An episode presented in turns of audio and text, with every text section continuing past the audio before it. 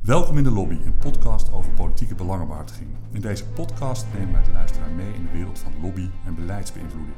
Mijn naam is Bas Batelaan en ik presenteer vanuit Den Haag deze keer de alweer 17e aflevering van deze podcast van Public Matters. En ik vind het heel mooi dat deze keer Erik Klooster, directeur van VMobin, de Vereniging Energie voor Mobiliteit en Industrie, uh, te gast is en dat ik hem mag interviewen. Uh, fantastisch dat je hier bent. Uh, voor zover nodig stellen we je nog even voor aan de luisteraars. Misschien is het wel nodig voor sommigen.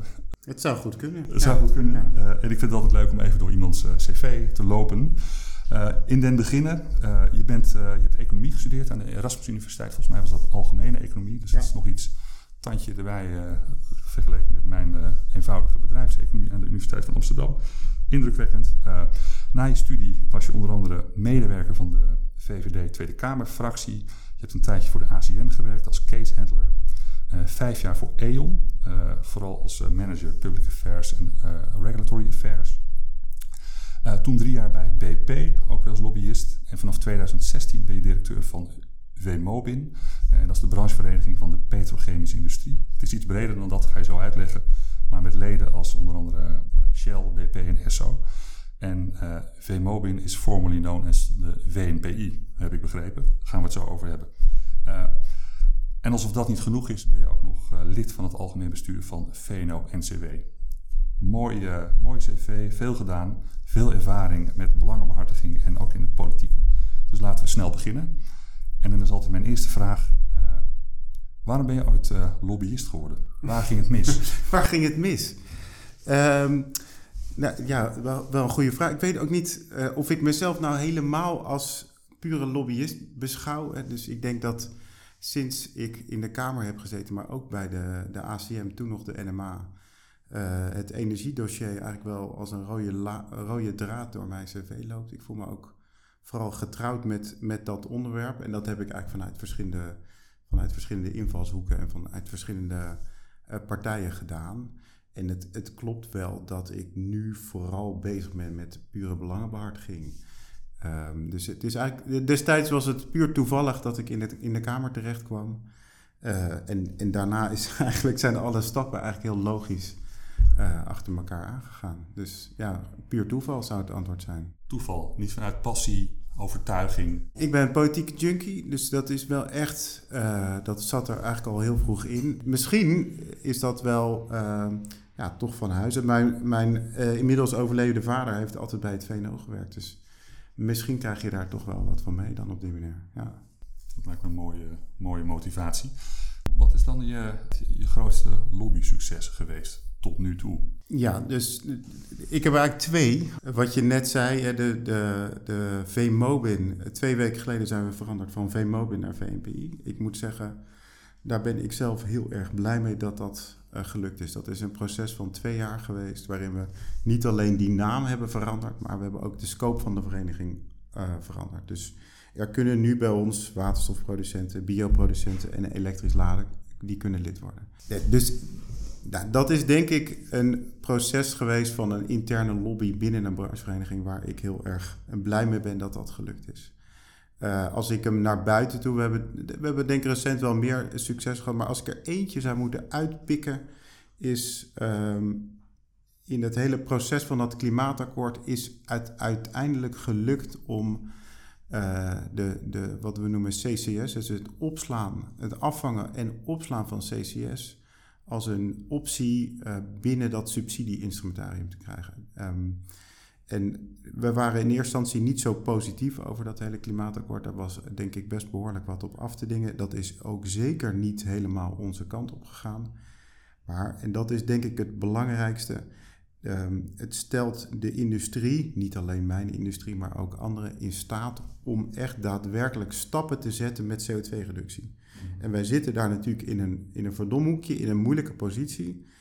En de gedachte erachter is, wij kunnen alleen uh, echt naar een betere positie als er ook daadwerkelijk projecten gerealiseerd gaan worden. En ik ben heel erg blij mee dat we in dat, in dat proces um, het, het haakje als het ware hebben opengezet dat dat nu kan gaan gebeuren. Dus je ziet er nu ook projecten, je ziet nu investeringen en dat is belangrijk. Dus de hele, de hele uh, energie binnen de industrie, vanuit het klimaatakkoord, is er eentje die echt is gedraaid vanuit een negatief sentiment naar een oké jongens, we moeten projecten en het kan ook nu sentiment. En daar ben ik, nou, ben ik heel erg blij mee. Dat, ik ben helemaal niet de enige die dat heeft gedaan. Maar daar hebben we wel een rol in gespeeld, ja. Ja, want die naam is veranderd en je, gaat, je scope is verbreed. Dat is natuurlijk omdat je leden dat, dat uiteindelijk ook wilden en omdat hun, hun business aan het veranderen is. Ben je ook op zoek naar veel eh, naar nieuwe leden? Ik neem aan dat je groter wil worden. Ja, dus wat je zegt klopt. Hè? Dus die, die leden waren al andere dingen aan het doen. Het is niet zo dat wij nou alleen maar de, de klassieke activiteiten van die bedrijven aan het vertegenwoordigen zijn. Ze zijn al aan het investeren in waterstof. Ze zijn al aan het investeren in uh, elektrisch laden. En we hebben inmiddels ook gesprekken met partijen die daar goed passen. En, en, en uh, we hebben ook goede hoop dat die binnen nu en afzienbare tijd lid worden. Ja. En daar kan je nog niks over zeggen natuurlijk. Mooi. Nee, dat is niet uh, opportun om nu die nee, naam hier te noemen. maar we, we, we, hebben gesprekken met meerdere partijen die ook geïnteresseerd zijn. En ook uh, zien dat we op dit vlak voor hun goed werk doen. Ja. Dit is een lobby succes. Wat, wat, wat is een grootste lobby tegenvaller geweest? Ik denk dat we, nou, ook hier kunnen we een aantal onderwerpen wel kiezen. We hebben net bijvoorbeeld een, een, een lobby gevoerd tegen een besluit van de ILNT. Dat gaat over de export. De ILNT? Sorry, de voor Inspectie de voor Leefomgeving en Transport. En die hebben gezegd, uh, jullie mogen niet meer bepaalde brandstoffen naar Afrika vervoeren. Dus de, de, de specificatie van zwavel in die brandstoffen is te hoog. En we willen dat jullie dat niet meer doen. Nou, met dat uitgangspunt is iedereen het eens. Ook ik persoonlijk vind die specificatie van die brandstoffen, die moeten naar beneden. Alleen, het is zo dat dit probleem moet je lokaal oplossen. Anders gaat het niet. Hoe heb je die lobby aangepakt? Nou, ik heb, en daarom vind ik het uh, ook wel een interessant voorbeeld. Ik heb niet vaak een lobby gezien die we tot op het hoogste niveau, denk ik, goed hebben uitgevoerd. En vervolgens zie je dat er niks mee gebeurd is. Dus het is technisch een goede lobby. Ergens kan ik daar dan... Wat bedoel je met uh, een technisch goede lobby? Wat bedoel je daarmee? Nou, ik denk dat daar... We hebben het bij, uh, of het nou de minister is... of bij uh, de, de hoogste baas van de ILNT zelf ook aangegeven. Um, maar men heeft gewoon besloten... Sorry, ja, we vinden toch dat we dit moeten doen. En dan moet je op een gegeven moment ook je, je, ja, je rol kunnen accepteren.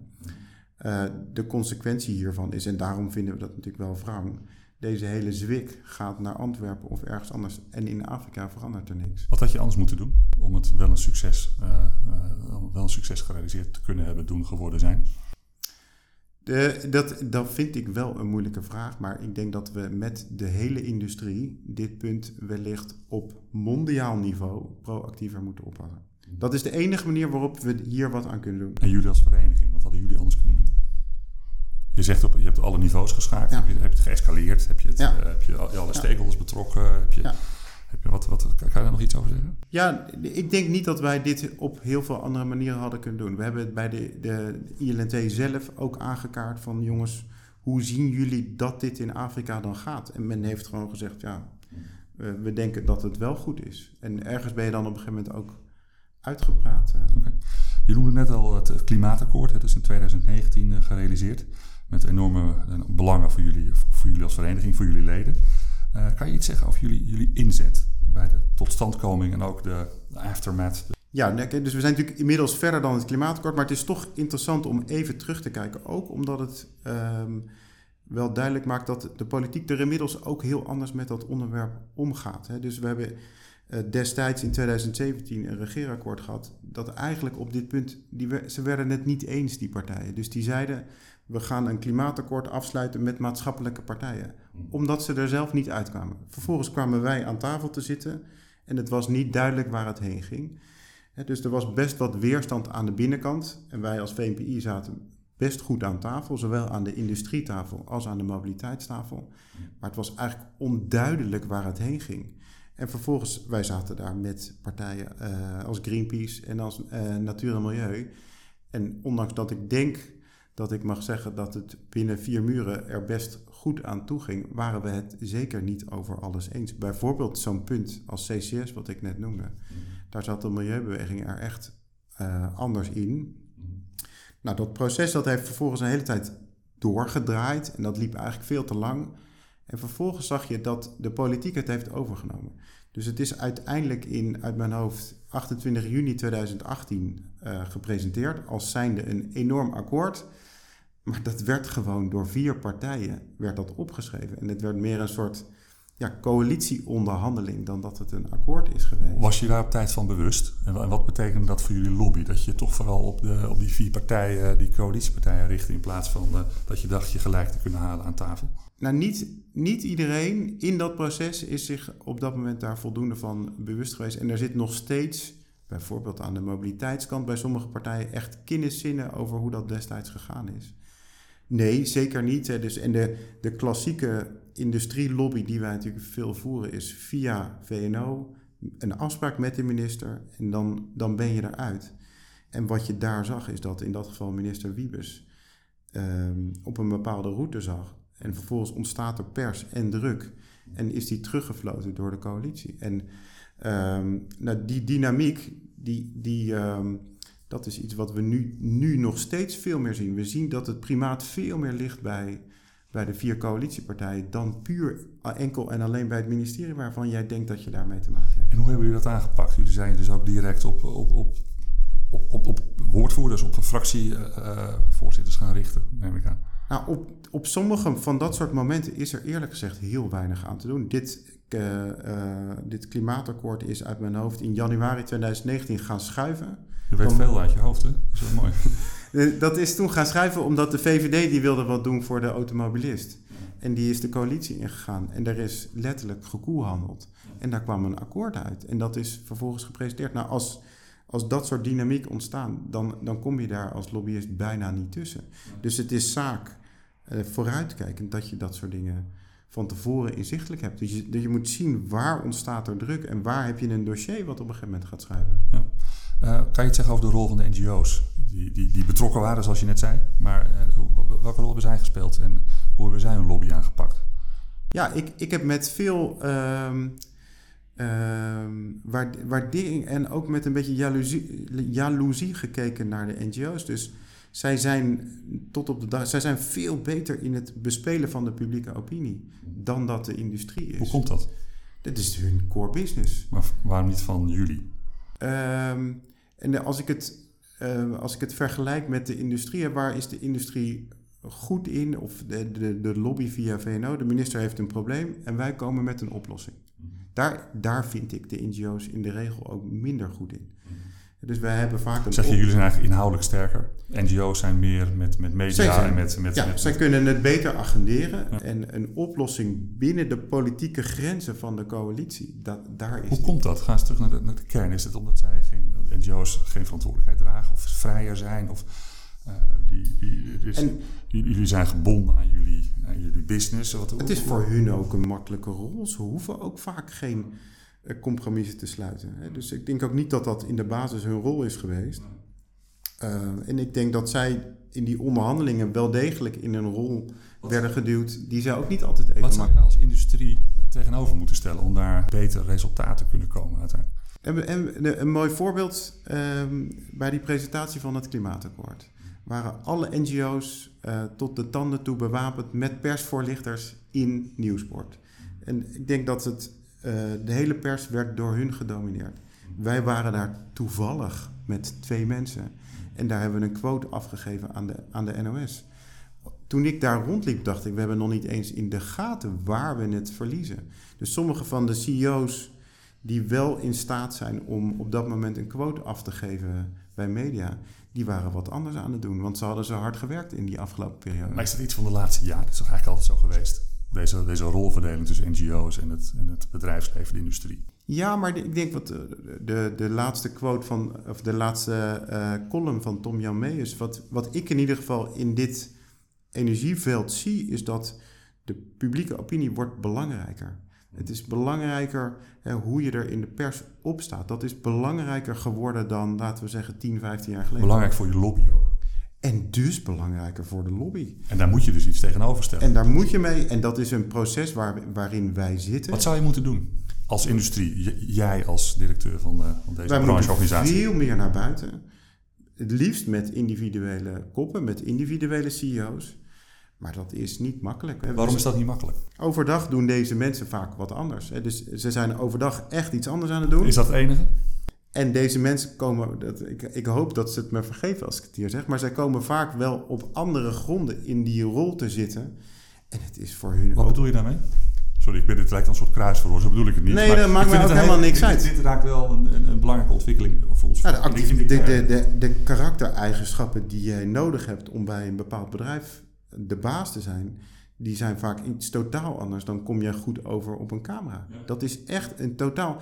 En daarnaast, wat ook ingewikkeld is, ehm, journalisten benaderen ons best veel, maar vaak alleen op momenten dat wij zoiets hebben van: sorry, maar ik heb hier even helemaal geen zin in. En de reactie die je daar vervolgens bij de industrie ziet, is op het moment dat wij een boodschap willen afgeven over een project of over iets anders, dan, dan zit daar ook een bepaalde mate van overreactie in, waardoor de journalistiek iets heeft van ja, hallo, ik ga eens even kijken of dit allemaal wel klopt. Of dat dit geen greenwashing is. Dus een bepaalde mate van op een open, transparante manier en ook kwetsbaar naar buiten durven gaan. Nou, dan is het voor de meeste CEO's veel makkelijker om te zeggen: ja, sorry, maar ik laat deze heel even aan mij voorbij gaan. Dus is, hier heb je het interne over, neem ik aan, met je leden. Eh, gaat het wel steeds beter? Zit, zit er een ontwikkeling in? Ik denk dat het iets beter gaat. Ik denk dat we nog een hele lange weg te gaan hebben. Eh, en het gaat ook over, oké, ik denk dat het verstandig is dat we af en toe sommige mensen in bepaalde programma's of ergens op de radio weten te krijgen. Kan je kijken naar je eigen industrie, als je die vergelijkt met andere industrieën? Zijn er andere industrieën die het beter doen dan jullie? Wat dat betreft. Wat betreft communicatie met de media. eh, wat betreft het, niet het bespelen van de media, maar het wel presenteren in de media en je standpunten naar voren brengen en dat ook gebruiken in de lobby.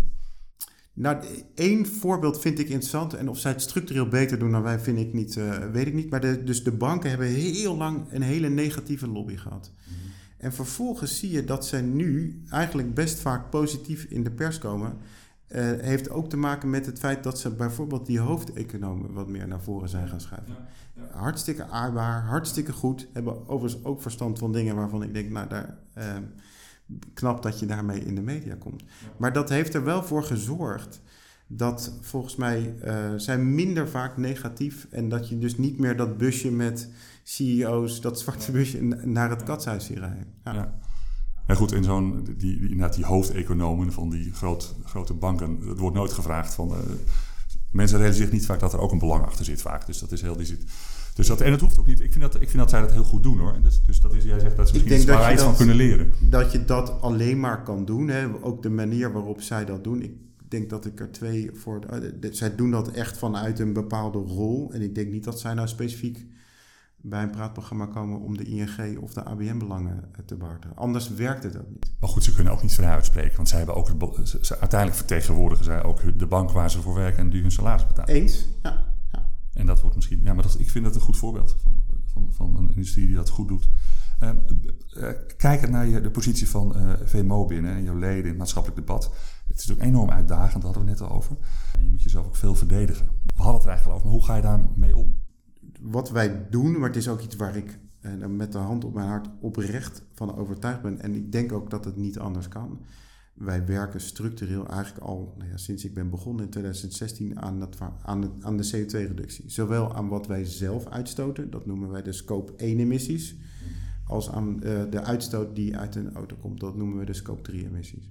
Dus wij hebben daar een intern eh, analysewerk op toegepast. En ik ben daar ook oprecht van overtuigd dat, daar, dat, dat we daar een rol eh, te spelen hebben. Want het gaat maar om hoe je dingen communiceert, hè? Ja, nee, maar dit dat is ook mijn antwoord op je vraag. Ik- denk dat je dat dus ook alleen kan doen als je daar oprecht van overtuigd bent. En binnen wat wij doen en wat mijn team doet binnen, de v, binnen wij steken daar behoorlijk wat tijd en effort in. Omdat ik vind dat het moet, maar ook omdat we daar een rol in, he- in hebben te spelen. En ik denk dus dat als je dat oprecht doet en ook eh, oprecht naar buiten brengt waar je mee bezig bent, dat je dat nou, een bepaalde mate van geloofwaardigheid biedt. Ik kan anders die andere dossiers, die, de- die defensiever zijn, die kan ik wel doen, maar iedereen denkt dan toch, ja hallo, maar jullie zijn van die bepaalde eh, bedrijven, dus ik geloof het wel. Maar zijn mensen geïnteresseerd in jullie, dit soort boodschappen? Die willen toch vooral bashen, media wil jullie bashen, wil jullie negatieve kanten van de, van de industrie benadrukken. Ja, maar dus mijn, mijn punt is, ik kan dat voor een deel. En ik, ik, eh, ik vind het belangrijk dat we de journalisten bijna altijd te woord staan. Ook als ze eh, met voor ons minder welgevallige boodschappen komen. Maar het is belangrijk dat we ook de andere agenda blijven ontwikkelen. Ook omdat we dat oprecht vinden. En dan hopen we dat we op dat andere vlak ook af en toe gehoord worden. Maar je zegt eigenlijk ook dat het nog te weinig succesvol is wat betreft de communicatie van die, van die positieve. Ja, dat is ook zo. Ja. Wat, wat, kan je verder doen? Want je hebt het over het oprecht communiceren. Wat bedoel je daar überhaupt mee? Echt in nee, ja, dat je het oprecht zelf ook vindt. Ik vind ook dat het sneller moet gaan. Daar hoef je bij op het V-Mobile-bureau geen hele lange discussies uh, over te hebben. En uh, ik denk dat 60, 70 procent van onze tijd gaat in uh, die CO2-reductiekant. De meeste tijd die wij steken gaat in de onderwerpen hoe kunnen we die CO2-reductie naar beneden brengen. Dat, dat bedoel ik daarmee. En dat vind ik ook belangrijk. anders kan ik me niet op een ja, handhaven in deze discussie. Is dat een antwoord op je vraag? Of denk je van... Nou... Het is sowieso een antwoord. Nee, prima antwoord. Ik, maak een grapje. Dit is, uh, nee, zeker. Dit is een buitenkant. Ik vind het heel interessant om deze discussie daarover te hebben. Uh, volgende vraag is... Uh, als directeur van een branche... Hoe, hoe maak jij het verschil voor je leden? De, je verschil voor je leden vind ik, vind ik moeilijk. Hè? Dus, de, de, de, dus de, het is wel een behoorlijk verschil. Hè? Lobby binnen een branche of binnen voor een bedrijf. Voor een bedrijf is vind ik nu eigenlijk veel makkelijker.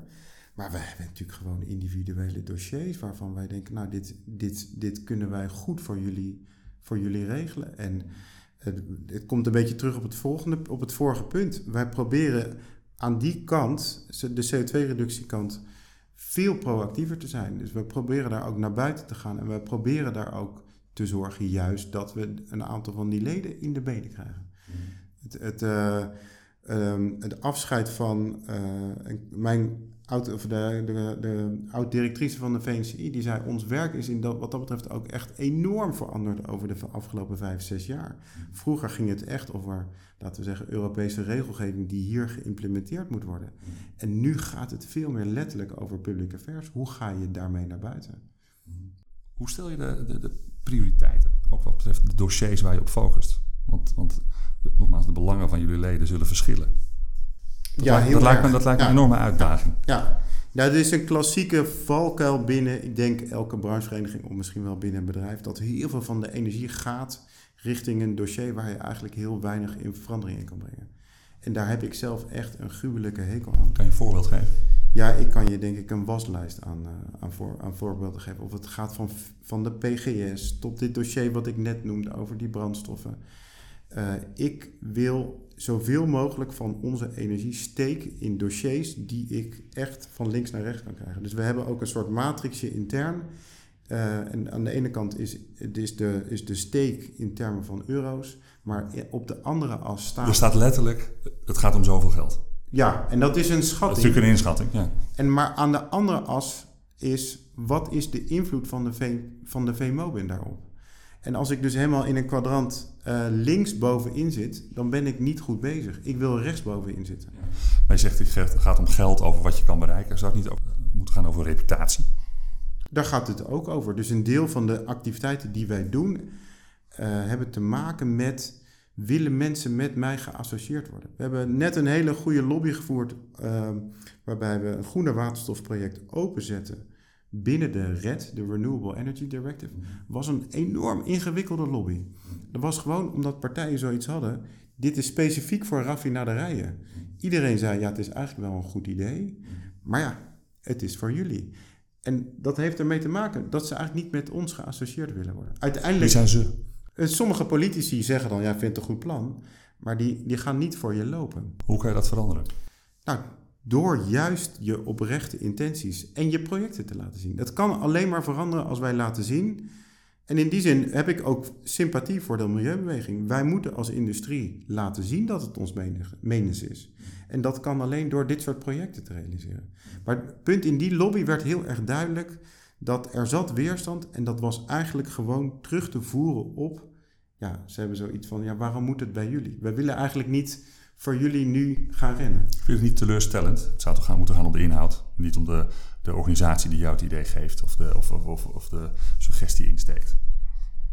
Nee, ja, het is een fact of life. En misschien ook terugkomend op je vraag hiervoor, waar kan je het verschil maken? Veel van wat ik doe richting mijn achterban is uitleggen dat dit in Den Haag nou eenmaal zo is. En ik kan, uh, ik kan er van alles van vinden, maar ik richt mij vooral op wat kan ik daaraan doen. In plaats van de analyse dat het een probleem is, die kan iedereen wel maken. Ik wil zorgen dat ik daar wat aan kan doen. Dat zijn eigenlijk twee dingen: meer naar buiten en meer projecten. Dat is wat ik wil. En dat is wat je je leden vertelt. Ja. Jullie hebben veel te maken met uh, energie- en klimaatbeleid. Dat zijn soms ook ingewikkelde onderwerpen. Um, vind je dat, eh, dat beleidsmakers, Kamerleden altijd voldoende kennis hebben om te begrijpen wat jullie belangen zijn om, en om goede beslissingen te kunnen nemen? Ga je er iets over zeggen? Namen en rugnummers vragen? nee, ik, we kunnen. Nee, maar dat.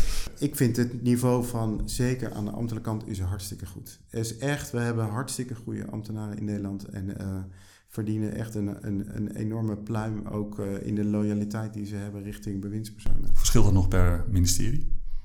Uh, nou, vind ik niet specifiek. We hebben bijvoorbeeld ook we hebben, aan allebei de kanten hele ingewikkelde dossiers lopen. Bij INW, bij EZK. Uh, nu zitten we bijvoorbeeld midden in de discussie over nou, eh, olievoorzieningszekerheid. Mm. En daar zien we dat het ministerie haar been moet bijtrekken. We hebben eigenlijk gedacht, olie, nou jongens, daar gaan we vanaf. Hoeven we nooit meer wat mee te doen. Nou, er dreigt momenteel een dieseltekort. Wie had dat ooit nog gedacht? Maar het is wel zo. En daar zie je dat het ministerie nu bijschakelt en kennis bij, uh, bij aan het spijkeren is. Um, nou ja, kijk, mijn ervaring met Kamerleden specifiek, maar dan ben je natuurlijk eigenlijk al te laat in een lobby, is dat als ik heel laat nog met een heel ingewikkeld dossier, of het nou biobrandstof of iets anders is, ja, dan, dan, dan wil het nog wel eens zo zijn dat ze daar niet meer voor willen gaan rennen. Maar dat heeft vooral uiteindelijk, als je dat afpelt, te maken met wat is in dit voor het Kamerlid? Wil hij met jou geassocieerd worden of niet? Ander mooi voorbeeld van voor ons een ingewikkelde lobby is de hele discussie rondom wat wij noemen vastnet. Hè, dus de, de elektrisch ladenvoorziening langs de snelwegen. Uh, wij willen heel graag investeren in elektrisch laadpunten. Uh, dat wordt ons uh, op dit moment eigenlijk vrij moeilijk gemaakt. Nou, dat hele dossier moet helemaal op de schop. Maar veel Kamerleden zien ons eigenlijk liever als, als die grote, olie, olie, oliemannen ja, en vrouwen. Ja, als de bestaande incumbenten die niks willen. Terwijl eigenlijk, als je de situatie nu goed beschouwt en praat er vooral over met Vastnet, want ze zullen denk ik een ander verhaal vertellen dan ik. Maar is Vastnet momenteel daar de incumbent op het elektrisch ladendeel? Wij willen heel graag ook investeren, maar we hebben daar de grootste moeite om Kamerleden zover te krijgen dat ze zeggen: ja, jongens, voor jullie wordt dat ook opengezet. Ja, dus daarmee is jullie ontwikkeling naar een, naar een vereniging die meer technologieën vertegenwoordigt ook meer, meer duurzame technologieën heel belangrijk. En dat, Essentieel. Anders willen mensen gewoon, ook al heb ik het beste voorbeeld wat er is, of het beste, beste idee, als ze niet met je geassocieerd willen worden. Heel mooi voorbeeld. Op dat dossier werken wij bijvoorbeeld samen met een andere branchevereniging die de MKB-bedrijven, dus de, de kleine. Uh, en, en die worden vaak wel beter ontvangen. Want dat zijn de achtbare eenpitters. Ja, nou, dus dan, dan doen we het op die manier. Ja. Eh, we hadden het over energie- en klimaatbeleid. En nogmaals, vaak ingewikkelde dossiers. Er zijn ook vaak verschillende ministeries bij betrokken. En zelfs binnen ministeries verschillende nou, afdelingen. Hoe ga je daar als vereniging, als uh, lobbyende vereniging mee om? Best complex. Dat is, dat is best complex en ik heb daar ook niet een eenduidig antwoord op. Je hebt er maar gewoon mee te wirtschaften. Uh, maar het is, en het is nog complexer dan wat je aangeeft. Hè. Uh, maatwerk wordt momenteel gezien als een, als, een, als een grote oplossing. Nou, daar zit zowel EZK als INW. Maar we zien nu ook dat de DCMR, dus de omgevingsdiensten, willen daar ook van alles mee. Ja, het enige wat je kan doen is die alle, al die partijen bij elkaar brengen. En zorgen dat het, het grootste prevalerende belang, in dit geval CO2-reductie, toch echt bovenaan blijft staan. Wat is de grootste valkuil als je op zoveel borden schaakt bij verschillende ministeries? de grootste valkuil is eigenlijk gewoon dat het allemaal te lang duurt. Dat, en dat er te veel wordt gepraat en dat je te weinig progressie boekt. Maar het managen van wie je wat wel vertelt en wat niet. Want je kan ook weer niet overal dezelfde boodschap hebben, volgens mij. En, de, en, je, andere... je, wil dan niet dat ze erachter komen dat je de een iets anders vertelt. En de andere valkuil is denk ik ehm, blijven uh, richten op, oké, hoe dan wel? Mm dus veel mensen zijn natuurlijk makkelijk in de analyse van, oké, dit gaat niet goed het creatief nadenken over: oké, ik heb hier een bewindspersoon en die heeft gewoon een politiek probleem. Hoe kan ik het voor die persoon oplossen binnen de politieke grenzen? Dat, dat is uiteindelijk. Er zijn maar weinig mensen die dat goed kunnen. Klinkt heel pretentieus, zo is het niet bedoeld. En jij kan het heel goed. Nee, zo dat bedoel ik niet. dat zou ik ook nooit, dan mogen andere mensen zeggen. Maar dat is echt, uh, nou, dat is niet de valken, maar dat is eigenlijk de truc. Als je dat kan. Een goede lobbyist komt met oplossingen. Um, daarnaast is een andere vraag. Uh, veel van beleid wat relevant is voor jouw vereniging uh, komt uit Brussel. Hoe ga je om met het spanningsveld tussen beleidsmakers in Brussel en beleid wat uit Brussel komt en, en, en, en hier ambtenaren en Kamerleden in, in Den Haag? Ja, ik vind het momenteel wel uh, ingewikkeld, moet ik zeggen. Dus uh, veel van wat er uit Brussel komt is uh, veel bepalender dan wat er in Nederland gebeurt.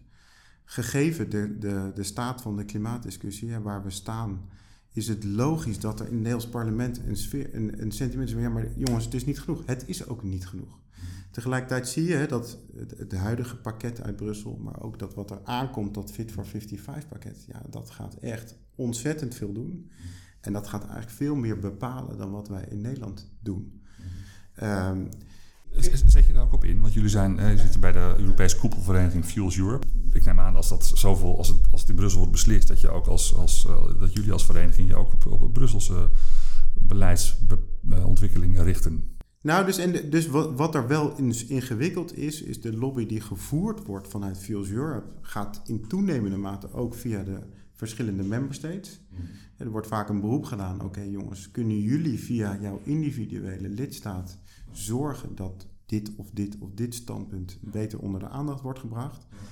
En wat wij daar zien, is dat eigenlijk het, het zuidelijk deel van Europa vaak echt wat anders vindt. Ja, ja. Maar wat we ook zien, en dat maakt het zo ingewikkeld, dat Nederland eigenlijk veel meer naar een, naar een veel groenere kant gaat hangen. Uh, al of niet terecht, maar uh, in, in Brussel. Dus dat, dat betekent dat voor, voor ons, of in ieder geval de boodschappen die vanuit Fuels Europe nog wel eens komen, niet altijd één op één uh, goed aansluiten bij uh, hoe er in ieder geval in Nederland, door Nederland in Brussel wordt gedacht. Ja, die ontwikkeling naar steeds meer uh, pan-Europese coördinatie van, van lobbycampagnes binnen brancheverenigingen is echt een ontwikkeling die volgens mij plaatsvindt, ook binnen bedrijven overigens. Klopt. Maar dus ik zou dan, hè, die, die, lobby wordt wel ook binnen Fuse Europe. Er wordt altijd eerst gekeken, oké, hoe zit Duitsland in de wedstrijd? Dat, we, dat is, weet je, stap 1. De, mijn Duitse collega heeft ook veel meer te vertellen binnen Fuse Europe dan ik. Hoe zorg je dat je jouw eigen invloed maximaliseert? Binnen zo'n Europese koepel als Fuels Europe. Ja, dus ook daar, uh, eerste les in lobbyland is toch altijd, als, als het samen kan, doe je dat samen. Dus ik zit in een soort voorbereidend groepje met mijn Duitse, mijn Belgische en een Zwitserse en een Franse Heeft dat nog een naam, zo'n groepje? En daarin bespreken we dan uh, de, de voorstellen binnen Fuels Europe. En uh, soms willen we wat sneller dan, dan hoe het daar gaat, omdat ja, het, het, het zuidelijk smaldeel binnen Europa denkt echt nog wel eens anders over sommige dingen. Grappig dat ook binnen zo'n Europese branchevereniging ook weer het verschil tussen Noord en Zuid, zoals ook in bredere politiek is in dit geval, uh, nog wel eens uh, uit elkaar ligt. Het is ook een valkuil, denk ik, voor dit soort type branches. Als je je boodschap dus afstemt op het smaldeel wat jou wel gevallig is. Ja, met sommige van dat soort boodschappen kunnen wij hier gewoon niks. Maar de Duitsers hebben het voor het zeggen met de Nederlanders in een kielzog. Ik, ik denk dat het, ja, goed, dat weet je denk ik nog weet je beter dan ik, maar de Duitsers hebben binnen, binnen Europa en zeker ook binnen Fuels Europe veel te vertellen. Ja. Andere vraag. Uh, je hebt leden, vaak multinationals, met veel uh, bestuurders en toezichthouders, commissarissen die of niet Nederland zijn of die niet in Nederland wonen. Um, hiermee lijkt de link ook met Nederland en Nederlandse politiek minder sterk. En mogelijk ook in politieke antenne. Er stond ooit een artikel over in het Financieel Dagblad van juli, juli dit jaar. Zie je dit probleem? Nee, ik zie het ook niet zozeer als een probleem. Ik denk dat het voor ons juist een rol is. Wat wij veel doen is politieke duiding intern. Maar ben je het eens dat als een CEO of een uh, voorzitter van de Raad van Commissarissen Engels is en in uh, Zweden woont, terwijl hij hier, hier zijn, zijn, zijn, de bedrijfsbelangen behartigd moeten worden, dat dat niet altijd een ideale situatie is? Nou, hangt heel erg af van de, van de persoon in kwestie. Maar in de basis is het natuurlijk wel zo dat hoe verder je af zit van dit, dit rare proces in Nederland, hoe, um, ja, hoe minder je het begrijpt. Uh, misschien een mooi voorbeeld, toen ik bij BP werkte, hadden we destijds een, een Spaanse raffinaderijmanager. En die begreep eigenlijk maar heel weinig van wat er hier in Nederland nou... Hoe ga je daarmee om? Natuurlijk goed, goed, goed informeren en uitleggen. Ja, maar, het was maar, maar iemand blijft Spaans, iemand blijft... Spaans, techneut, hij, hij begreep er af en toe... Dus hij gaf het af en toe gewoon op en dacht, oké, okay, het zal wel, totdat er in Spanje ook de Groene in de regering kwam. En toen begreep hij eigenlijk veel beter wat er aan de, aan de gang was. En uh, nou, ik, ik vind het echt een, een, een, een soort essentiële zaak, of ook een van onze belangrijkste rollen, is dat we uitleggen, nou, mensen die daar werken, die hebben een, een agenda. Dat hoeft niet jouw agenda te zijn, maar het is, het is wel volstrekt logisch wat er daar gebeurt. Je kan het ook vaak zien uittekenen. Dus de dynamiek die je ziet binnen een coalitie, die kan je vaak al van mijlenver zien aankomen. En het, is, het hoeft niet per se jouw agenda te zijn, maar het is wel een logische agenda. Mm, oké.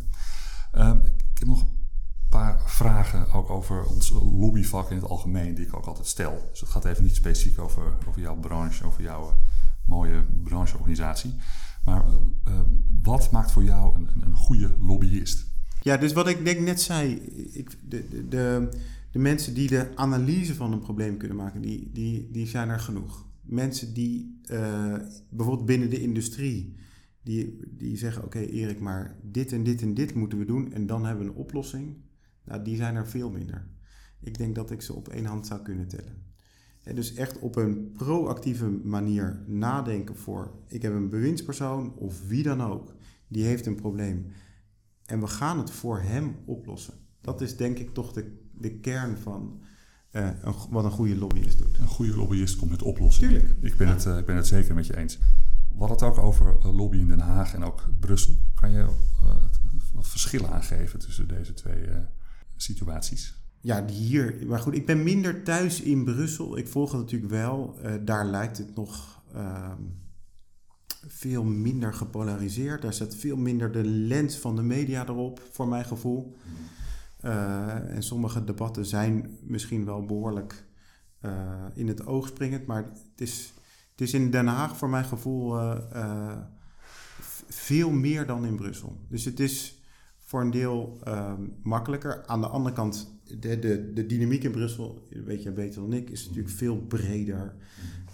en, en je zit daar verder af van, van, van de impact. Hè. Dus als wij hier impact van maatregelen hebben en we komen met iemand uit een fabriek of ergens van een bepaalde installatie en die zegt: Kijk eens, dit en dit en dit doet jouw maatregel, dan kan je je case goed bouwen.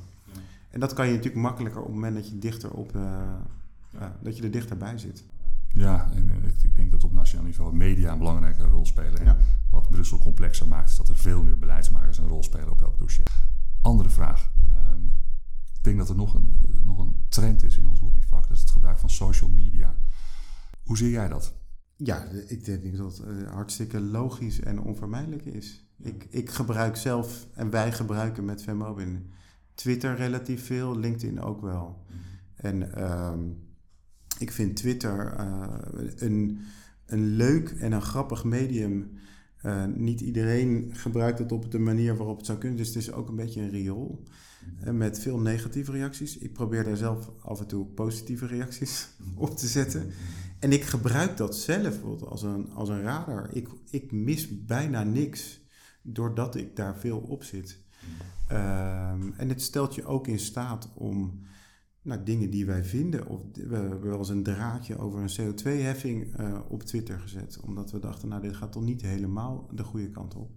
Dat soort dingen doen wij. En ik vind het uh, wat dat betreft een, uh, een leuk medium. En het heeft natuurlijk het voordeel dat er niet de filter van een journalist overheen gaat. Nee, dus dan heb je het over het zenden van bepaalde boodschappen, Ja. bepaalde meningen. Ja.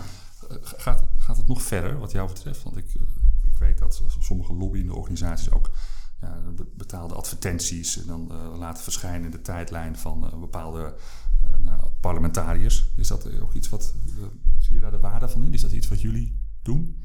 Ik weet dat, de, dat de organisaties dat doen. Ik krijg ze namelijk zelf ook wel eens in mijn tijdlijn. Zoals iemand ooit mij adviseerde, doe dat nooit. Betaalde content is natuurlijk, ja, is in mijn optiek niet geloofwaardig. Maar in die zin, een, een, een- hebben jullie wel eens een, advertentie in de krant? Is toch, is toch hetzelfde? Doen jullie ook niet? Doe ik niet. Nee. Is in Brussel aan de orde van de dag. Ja, ik zou dat echt, nee, ik, het is... eh, Wat is het verschil als jij iets, iets, iets tweet, een bepaalde mening als voorzitter van, eh van die van Ja, maar dan hoef ik er niet voor te betalen. Nee, maar het, is, het belang is toch hetzelfde. En dat is toch voor iedereen duidelijk. Ja, wellicht, maar ik, ik, betaalde content vind ik echt zonde van mijn geld. Ja. Oké. Eh, nog een vraag. Hoe vind je dat een lobbyist zich dient te gedragen? Bu- buiten fatsoenlijk bedoel je? Nou, wat je, misschien, vind je, misschien vind jij dat een lobbyist eh, buiten de wet staat. Dat, eh, Nee, dat vind ik niet. En ik, ik, ik weet, deze discussie loopt eh, vrij intensief binnen de, de BVPA. Ik ben daar niet een hele grote afnemer of een grote volger van. waarom niet? Ja, misschien helemaal terug naar het eerste punt. Ik voel me niet, niet een pure lobbyist. Ik zit vooral in die energiehoek. Eh, en daar doe ik natuurlijk wel aan lobbyen. Een energielobbyist. Energielobbyist. Ehm, hij is natuurlijk uit, wel uit de, uit de splitsen in een aantal onderwerpen. Hè. Dus je hebt natuurlijk dat switchen van eh, bewindspersonen. Eh, je hebt hoe ga je met transparantie om. En, en ook voor de bureaus, wel- welke type klanten neem je aan en welke neem je niet. En ik denk dat eigenlijk een van de rode draden is. Eh, ja, Als jij, als jij, eh, Wees- als jij, als jij lobbyadviseur, lobbyconsultant zou zijn, welke klanten zou je dan niet aannemen? Ja, ik, heb, ik zou wel. ehm, ik heb wel een vrij hoog. Ja, dat klinkt misschien een beetje pretentieus. Ik zou zeker niet iedereen aannemen. Nee, nee. En de, dat, mijn andere punt is. eh, ik, je, alles staat of valt met transparantie. En nu- misschien nog één voorbeeldje uit dat klimaatakkoord. Maar wacht even, even over transparantie. Jullie zijn ook niet, jullie kunnen niet transparant zijn over, over, over alles. Nee, dat kan Er, zijn niet. ook, er zijn ook, is ook informatie van jullie leden die ze vanuit eh competitieperspectief niet, niet met de buitenwereld willen delen.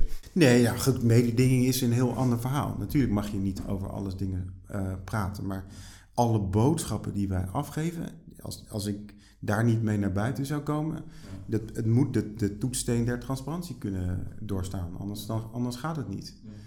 En ehm voorbeeldje, in dat klimaatakkoordproces is er ooit wat discussie ontstaan over dat Wiebes, die was bij de industrie op bezoek. Daar werd uit gelekt en dan ontstond zoiets van, ja, hij is wel bij de industrie, maar hij is niet bij de NGO's. Alles, dat soort dingen kan je allemaal ondervangen door, volgens mij in Brussel werken die eh, commissarissen met een openbare agenda. Dat zou, ik ja, dat ook- wordt, dat wordt, niet iedereen houdt zich eraan. Maar dat, Nee, dat zou wel dat helpen. maar is een- ook niet een soort schijntransparantie? Nee, maar het voorkomt dus het. Kijk, in die meeting werd niks bijzonders gezegd. Maar vervolgens ontstaat het idee dat er wel wordt gewield en gedeeld. Nou, op het moment dat je dat soort zaken gewoon transparant maakt, dan voorkom je dat. Nou, dan zou je eigenlijk gewoon ook de, de, de- de- een opname van een gesprek of de, of de transcriptie, of hoe noem je dat, eh, moeten opschrijven wat er gezegd wordt en dat moeten delen met de, buiten, met de Ik buitenwereld. zou niet weten waarom bijvoorbeeld de agenda van zo'n... ook met wie een bewindspersoon, met welke belangengroepen zo'n persoon praat. Waarom zou je dat nou niet openbaar kunnen maken? Lijkt mij helemaal niks mis mee. Helemaal eens. Misschien het, het creëert een soort schijntransparantie, denk ik. Maar goed, ik ben het met je eens, want een andere vraag is... Als je kijkt naar de reputatie van ons vak, ja, je ziet jezelf niet als 100% lobbyist, maar ik, zo zie ik jou wel. We hebben te maken met de reputatie van het lobbyvak. En dat is, dit zijn, er spelen natuurlijk best dingen. Hè? En, en, en, en, en als je het hebt over ministers die naar het bedrijfsleven overstappen. Ja. En, en, en, en sommige mensen die het idee hebben dat, dat lobbyisten het allemaal bepalen in Den Haag en Brussel. Hoe, hoe zie jij dat? Nee, nou, ik denk dat wij zijn denk ik een, een, een heel mooi voorbeeld van een industrie waarvan mensen denken, oh, die hebben heel veel invloed. En dat hebben wij niet. Nee? Dus we hebben echt- weet je dat? Wij, wij moeten echt ontzettend goeie- ons best doen om bij sommige mensen... Nu vind ik een echte lobbyist, want lobbyisten zeggen altijd dat hun invloed, dat invloed beperkt is. Ja, dat is ook, dat, dat, dat, dat begrijp ik. Ehm, en wat betreft die, de, de, de, de, re- de reputatie. Ik denk dat de, de sector, ehm, eh, op het moment dat daar discussie over ontstaat, ja, dan moet je ook niet kinderachtig doen. Eh, dus ehm, accepteer gewoon sommige maatregelen. Wees er transparant over. En want als het blijft doorettelen en het etteren en het wordt een ding op zichzelf, ja, dan krijg je dit soort type maatregelen. Wat bedoel je met het wordt een ding op zichzelf? Ehm, het wordt een ding op zichzelf, die, bijvoorbeeld dat switchen van die bewindspersonen. Ja, er ontstaat dan discussie, discussie over. Ja, ik denk niet dat zij vreselijk veel eh, invloed heeft gehad. Die drie dagen of twee dagen of een halve dag als minister van Economische Zaken. Snap je wel dat mensen het een pro- Op als de probleem paper zien? beschouwd is dat natuurlijk onzin, als ik heel eerlijk ben. Dat zij eh, in die rol destijds eh, ontzettend Ja, veel van Nieuwenhuizen die als minister naar Ja. Energie Nederland ging, de branchevereniging van energiebedrijven. Ja. Daar ontstaat dan het gedoe over. Terwijl als je, maar als je niet de regels eh, totaal toepast zoals ze zijn, eh, ze zijn bedacht. Ze is eventjes minister van Economische Zaken geweest. Ja, dan ontstaat er wantrouwen in het hele systeem. Dus daarom moet je daar transparant over zijn. Zou jij een, een- minister aannemen als, eh, nou, als mededirecteur? Of, eh, Oh ja, dat had ik wel bedacht van zou, je dat, tevoren. dat- zou, je, zou je dat doen? Nou, het grappige is dus, ik zit in het algemeen bestuur VNO. Daar stelt dat op zichzelf helemaal niet zoveel voor. Als je daar eenmaal in komt. Klinkt wel cool. Er is ook een dagelijks bestuur en die hebben veel meer te vertellen. Oh, oh, dat nee, ja. wist ik van tevoren ook niet. Maar er zitten natuurlijk heel veel oud-politici daarin. En de andere kant van de medaille is wel, en het is ook richting de politiek, ja, waarom worden dit soort mensen aangenomen? Omdat blijkbaar, als je zo iemand hebt, wordt er wel eerder de telefoon opgenomen. Als ze allemaal de telefoon opnemen als ik bel, dan heb je ook geen oud-bewindspersoon nodig. Het zijn mensen die begrijpen hoe het hier werkt. Die- Ja, die- ik begrijp ook hoe het hier werkt. Maar Ja, toch maar heeft misschien, het misschien als je minister bent geweest, begrijp je nog wel iets beter. Nee, ik denk dat dat ook te maken heeft met de ticket. Dus oh, er is een bewindspersoon, nou, die, die wordt dan eerder ontvangen op een bepaald niveau. Als je dat afschaft, als de politiek daar ook dan zegt: oké, dit is een proces, dit is wat we ergens gaan vinden, u bent welkom en we nemen de belangen mee. Nou, ik denk dat dan de invloed van dit soort personen ook minder groot wordt. Nogmaals de vraag, zouden jullie snel een eh, oud-minister aannemen als in jullie organisatie? Als je ziet wat voor glazen het oplevert met eh, van Nou, ik niet, maar de vraag is of het bestuur het zou willen. Nou ja, dan is het bestuur. Eh, zou je dat passend vinden? Want het, het heeft heel veel. Ik denk dat uiteindelijk Energie Nederland heel. Ja maar dat, was ook, dat wisten ze net- niet van tevoren. Wisten ze niet van tevoren. Ja. Maar nu kijk je wel twee keer Nou, uit. ik zit er dus een beetje dubbel in. Ik zie aan de binnenkant dat het soms effectief is als je zo iemand hebt. En ik zou willen dat het niet zo was. Dat het toch handig is dat Ja. iemand gewoon Ja. Rutte kan bellen. Of een, andere, of een minister, een andere minister. Maar ook hoe je af en toe wordt ontvangen op een, eh, op een ministerie. Geeft dat een doorslag in de lobby? Het is toch uiteindelijk vooral inhoud. Ik, ik hoop Maar je moet echt- er allebei doen. Het, het, heeft, het, het, bedoel, het, het maakt wel uit. Ja. En heel veel, nou, misschien soms wel en misschien soms niet. Ja, als je iemand kent, dan kom je sneller aan tafel. En heb je een grotere kans dat je verhaal kan vertellen. Maar uiteindelijk is het toch vaak... Iemand gaat niet iets vinden omdat hij... eh, eh, vriendendiensten bestaan overal. Maar ik weiger te geloven dat dat een hele belangrijke rol speelt in, eh, in Den Haag. Nee, maar en misschien is het ook wel dat sommige branches vinden dat prettig. Hè? Dus kijk eens, daar is een oud bewindspersoon en moet je eens kijken wat hij allemaal voor afspraken met ons heeft, eh, voor ons maakt. Ja. Ik wil eigenlijk afsluiten. Ehm, en dan stellen we altijd eh, de geïnterviewde, dat ben jij in dit geval, een, een laatste vraag. Eh, is er iets wat jij de luisteraars wil meegeven over ons mooie lobbyvak? Eh, iets wat zij echt volgens jou moeten onthouden naar aanleiding van deze podcast? Eén ding wat mensen mee zouden moeten nemen. Nee, ik denk niet dat er. eh, eh, ik vind het. eh, ehm, nee, ik vind het een, een heel mooi vak. Energielobbyist. Ik denk dat, je, dat ik daar wel een vrede mee heb. Ehm, ik heb niet één specifiek ding waarvan ik zeg dat moeten mensen nou per se daarvan weten. Het is, het is ingewikkelder dan sommige mensen denken. Dat is het wel. Ja. Energie- en klimaatlobbyist. Misschien klinkt dat nog iets in het kader van het eh, verzinnen van nieuwe namen. Nou ja, ja, ja. Dat mogen andere mensen doen, denk ik. Ja, ja. mooi. Tot zover in de lobby, een podcast over politieke belangenbehartiging. Hartelijk dank aan Erik Klooster, eh, die ons meenam in de catacomben van lobby in Den Haag en ook een beetje Brussel. Eh, mijn naam is Bas Batelaan en hier vanuit Den Haag. Veel dank voor het luisteren. Heb je vragen over deze podcast, tips of suggesties voor een onderwerp? Mail ze naar info.publicmatters.nl of kijk voor meer informatie op www.publicmatters.nl.